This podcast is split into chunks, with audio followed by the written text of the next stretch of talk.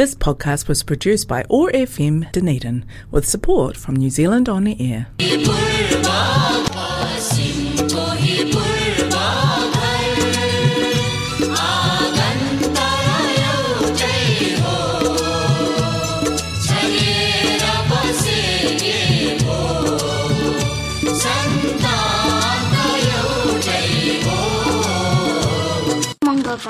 साँझको छत्तिस बजे प्रसारण हुने उड्याएको एक्सेस रेडियो सञ्चालित कार्यक्रम हाम्रो आवाजमा म आयुष पास्तोला र म आशिष। को सबैलाई नमस्कार। डनेटी नेपाली समाज प्रस्तुत गर्दछ कार्यक्रम हाम्रो आवाज र यस कार्यक्रमलाई प्रायोजन गरेको छ कनेक्टिङ कल्चर र एथनिक कम्युनिटीले हाम्रो आवाज उठाएको एक्स रेडियो एक सय पाँच थुप्रो चार मेगा हर्समा हरेक मङ्गलबार न्युजिल्यान्डको समयअनुसार साँझको छत्तिसदेखि सात बजेसम्म सुन्न सक्नुहुनेछ भने पोडकास्ट तथा आइट्युनबाट तपाईँले चाहेको बेलामा सुन्न सक्नुहुनेछ। श्रोताहरू आजको कार्यक्रममा हामीले तपाईँहरूलाई नेपाली लोक बाजा सम्बन्धी कुराहरू गर्नेछौँ। एजेक्स तिमीले नेपाली बाजाहरू सुनेको छौ? हजुर म सुनेको छु। कहाँ सुनेको छौ? मैले बाजाहरूमा धुनहरूमा सुनिरहेको छु। डनेटिनमा पनि कार्यक्रममा बाजाहरू बजाएको हुन्छ। तिमीलाई कुनै बाजाहरूको नाम भन्न आउँछ? मलाई भन्न आउँछ। कुन कुन बाजा सुनेको छौ? मादल गिटार एकातारे। र मलाई अहिले भन्न त आएन तर मैले भन् म एकछिन पछि सम्झिन्छु होला। फ्लुट पनि आउँछ मलाई। र हजुरलाई कुनै आउँछ? फ्लुटलाई बाँसुरी पनि भनिन्छ। नेपाली धुनहरू र बाजाहरू धेरै किसिमका छन् आइजेक्स तिमीले भने जस्तो तिमीले मादल पनि भन्यौ। मादल सारङ्गी त कुरा निकालेनौ तिमीले। बाँसुरीको कुरा गरेको थियौ। आजको कार्यक्रममा हामीले श्रोताहरूलाई एकदमै लोकप्रिय नेपाली लोकबाजाहरूको बारेमा बताउन चाहन्छौँ। सङ्गीत नेपालमा धेरै लामो समयदेखि नै सुन्नमा आइरहेको छ। यो परम्परागत शैलीमा भन्ने हो भने सङ्गीत चाहे कुनै चाडपर्व होस् कुनै जात्रा होस् बिहे भोज होस् अथवा कुनै पनि सांस्कृतिक कार्यक्रम होस् कुनै न कुनै बाजा बजाउने गरिन्छ र नेपालीहरूले बाजा धेरै नै मन पराउनुहुन्छ। नेपाली वाद्ययन्त्रको कुरा गर्नुपर्दा यो प्राय तिन भागमा बाँड्न सकिन्छ। पहिलोलाई पर्कुसन भनिन्छ जसमा वाद्ययन्त्रको एउटा नोट हुन्छ जसको नोटको कारणले गर्दा रिदमको लागि राम्रो हुने गर्छ। दोस्रो वाइन्ड भनिन्छ जसमा हावाको तरङ्ग फुक्ने गरिन्छ र हावाको तरङ्ग फुकाई विभिन्न तरिकाले तल माथि लामो समय छोटो समय गरेर मिठो धुन निकालिन्छ। र तेस्रो भन्नुपर्दा स्ट्रिङ भनिन्छ जसमा विभिन्न लम्बाइका मसिना तारहरू एउटा कुनादेखि अर्को कुनामा जोडिएको हुनेछ र त्यही तारहरूलाई तलमाथि खेलाएर ध्वनि उत्पन्न गराउन सकिन्छ। र विभिन्न साङ्गीतिक वाद्ययन्त्रको कुरा गर्नुपर्दा सर्वप्रथम त म मादलको कुरा गर्न चाहन्छु। मादल मुख्यतः नेपाली लोक सङ्गीतमा ताल राख्नको लागि पनि प्रयोग गरिन्छ र नेपालमा सबैभन्दा लोकप्रिय र व्यापक रूपमा प्रयोग गरिने वाद्ययन्त्रमध्ये मादल एउटा मुख्य यन्त्र हो। अधिकांश नेपाली लोक सङ्गीतको भन्नुपर्दा यो मेरुदण्ड नै हो। मादलमा बेलनाकार शरीर हुन्छ जसको केन्द्रमा थोरै उठेको हुन्छ र दुवै छेउमा टाउको हुन्छ। एउटा टाउको अर्कोभन्दा ठुलो हुन्छ यो उपकरण विशेष गरी काठको खोक्रो ट्युबको दुवै छेउमा छाला फैलाएर छालाको तारले कडा बनाइन्छ र दुवै टाउकोमा कालो खरी पनि राखिन्छ जसले गर्दाखेरि बजाउँदाखेरि चाहिँ मिठो ध्वनि उत्पन्न हुने गर्छ। त्यही गरी म बाँसुरीको बारेमा भन्न चाहन्छु। बाँसुरी एउटा लामो ट्युबको बाँसबाट बनेको बाजा हो। बाँसुरीमा एउटा साइड खुल्लै हुन्छ र अर्को साइड बन्द हुन्छ। र छदेखि आठवटा पाल हुन्छ। कुनै औँलाले दबाएर बन्द गर्ने र कुनैले खुल्दै छोड्ने भने र फुक्ने भने आवाज आउँछ र मिठो धुन बन्छ। श्रोताहरू कार्यक्रममा म तपाईँलाई अब एउटा बाजा सुनाउन चाहन्छु। अघि हामीले कुरा गरे जस्तै यो बाजामा मुख्यतः मादल बाँसुरी र खैजडीको पनि प्रयोग भएको छ। कार्यक्रममा म पछि खैजडीको बारेमा फेरि कुरा गर्नेछु। अहिले भने तपाईँहरूलाई यो बाजा छोड्न चाहेँ।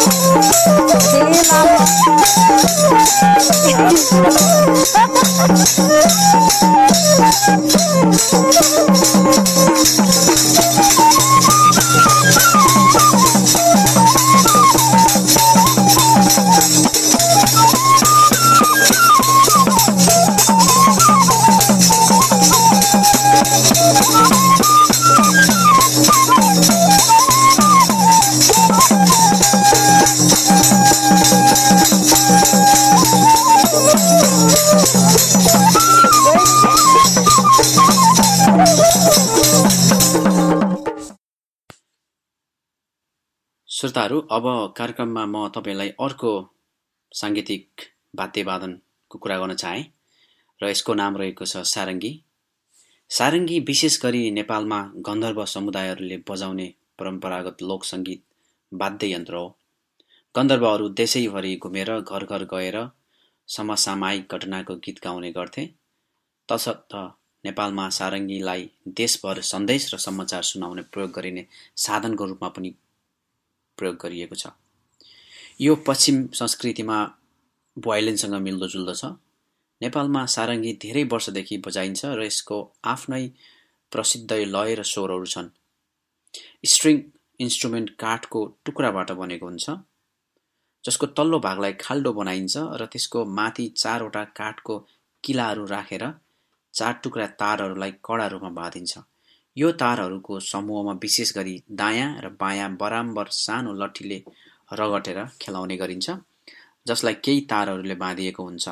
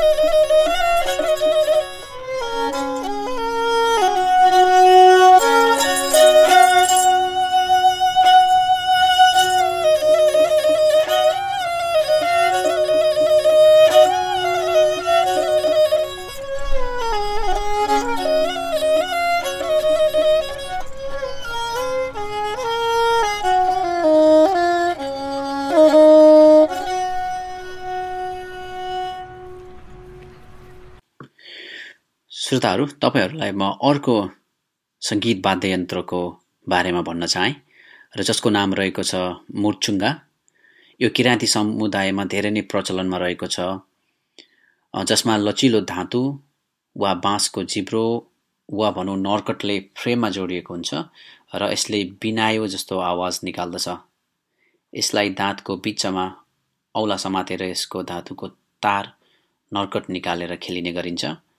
र नोटको भोल्युम भित्र र बाहिर सास फेर्दा फरक हुन सक्नेछ र यसले विभिन्न ध्वनि उत्पादन गर्नेछ। अब म तपाईँलाई मुर्चङ्गाको आवाज सुनाउन चाहन्छु।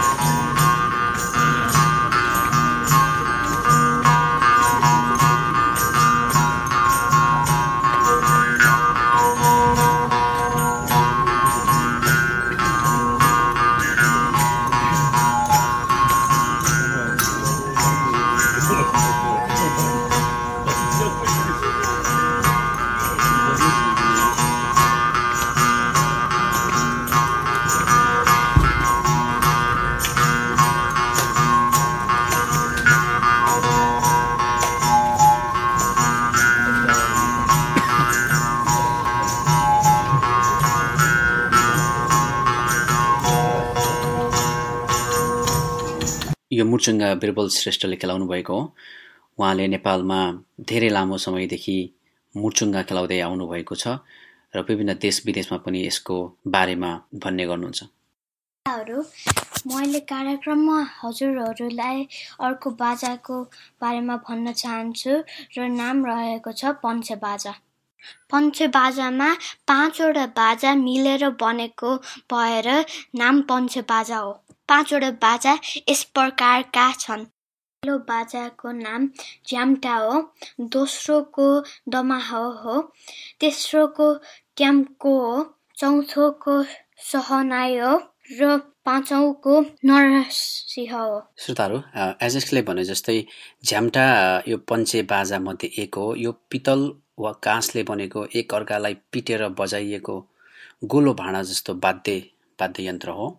त्यस्तै गरी दम्हा यो खोक्रो तामाको कचौराको छेउमा तानिएको छालाले बनेको हुन्छ जसलाई हात वा लट्ठीले हिर्काइन्छ। त्यस्तै गरी ट्यामको यो आकारमा दमहा जस्तै देखिन्छ तर दमहाको तुलनामा यो एकदमै सानो गजो नामक दुई टुक्रा लट्ठीले खेल्ने गरिन्छ। त्यस्तै गरी सनै जसलाई सहनाई पनि भनिन्छ एक प्रकारको सहनाई। यो धातुबाट बनेको हुन्छ जसको आकारको पाइप अलिकति अगाडि झुकेको छ। र त्यसमा केही प्वालहरू हुन्छन्। माथिल्लो भागमा नर्कटहरू छन्। त्यस्तै गरी अन्तिममा नरसिंहा र यो एक तुरही पनि हो। यो दुईवटा घुमाउरो तामाको नलीबाट बनेको पनाछे बाजा हो जसलाई मुखबाट हावा उडाएर बजाउने गरिन्छ। त्यसैले यो पाँचवटा बाजा मिलेर पञ्चे बाजा भनिएको हो र पञ्चे बाजा मुख्यता बिहेमा बजाउने गरिन्छ र कुनै पनि प्रकारको शुभ साहित्यको कामहरू गर्दाखेरि पनि यो बजाउने गरिन्छ। अब श्रोताहरूलाई म पञ्चे बाजाको एउटा धुन बजाउन चाहन्छु।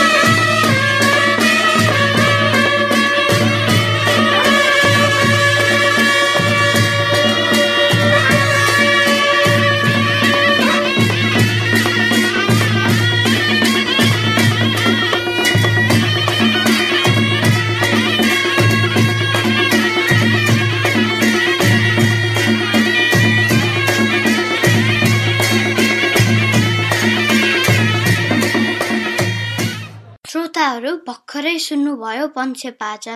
अरू बाजाहरू पनि छन् जस्तै डम्फु ढोलक पुङ्गी एलम्बर एकातारे मासक। श्रोताहरू यो बाजाहरूको छोटकरीमा भन्नुपर्दा डम्फु प्राय तामाङ समुदायमा प्रयोग हुने बाजा हो। यसलाई छालाले काठ छोपेर बनाइने गरिन्छ र त्यसमा हातले हिर्काएर बजाउने गरिन्छ। त्यस्तै ढोलक यो काठबाट बनेको हुन्छ जुन भित्र खोक्रो हुन्छ र बाहिर छालाले ढाकिएको हुन्छ। पुङ्गी यो नरिवलको खोल र खोक्रो बाँसको पाइपले बनाइन्छ। मुख्यतः तराईमा सर्पनाच देखाउन बजाउने गरिन्छ। श्रोताहरू आजको कार्यक्रममा हामी तपाईँहरूलाई नेपाली लोकबाजा सम्बन्धी जानकारी दिने प्रयास गरिरहेका छौँ र अब कार्यक्रममा अर्को केही धुनहरू म बजाउन चाहेँ। पहिलो धुन रहेको छ डम्फुको र त्यसपछि म दिमा बजाउन चाहन्छु।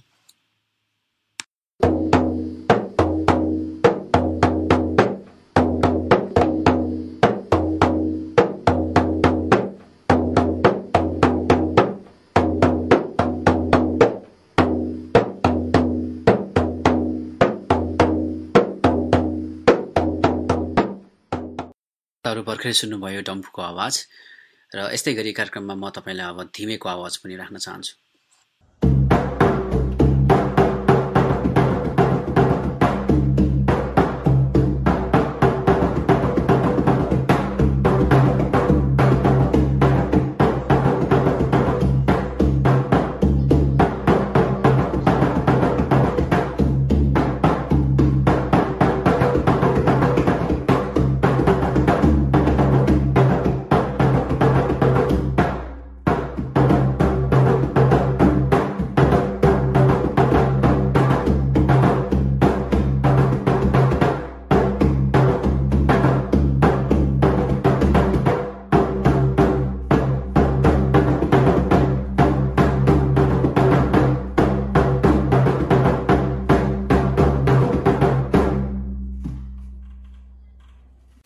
अर्को बाजा रहेको छ मसका। प्राय बजाङ क्षेत्रमा बजाउने गरिन्छ र यसलाई नेपाली ब्याक पाइपर पनि भनिन्छ। श्रोताहरू मैले हजुरलाई सुनाउँछु मासाकको धुन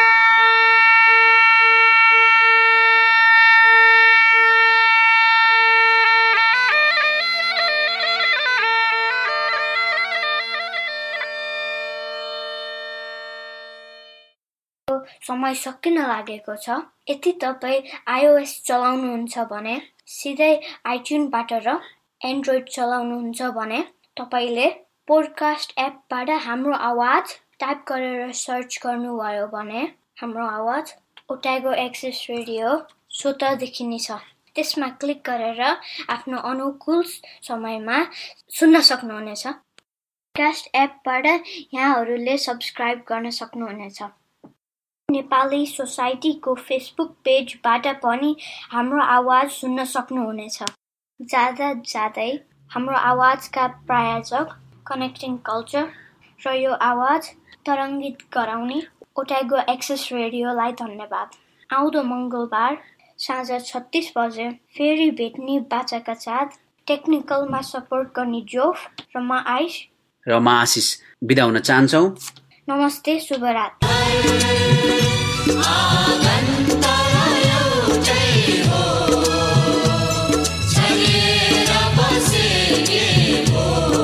This podcast was produced by OAR FM Dunedin with support from New Zealand On the Air.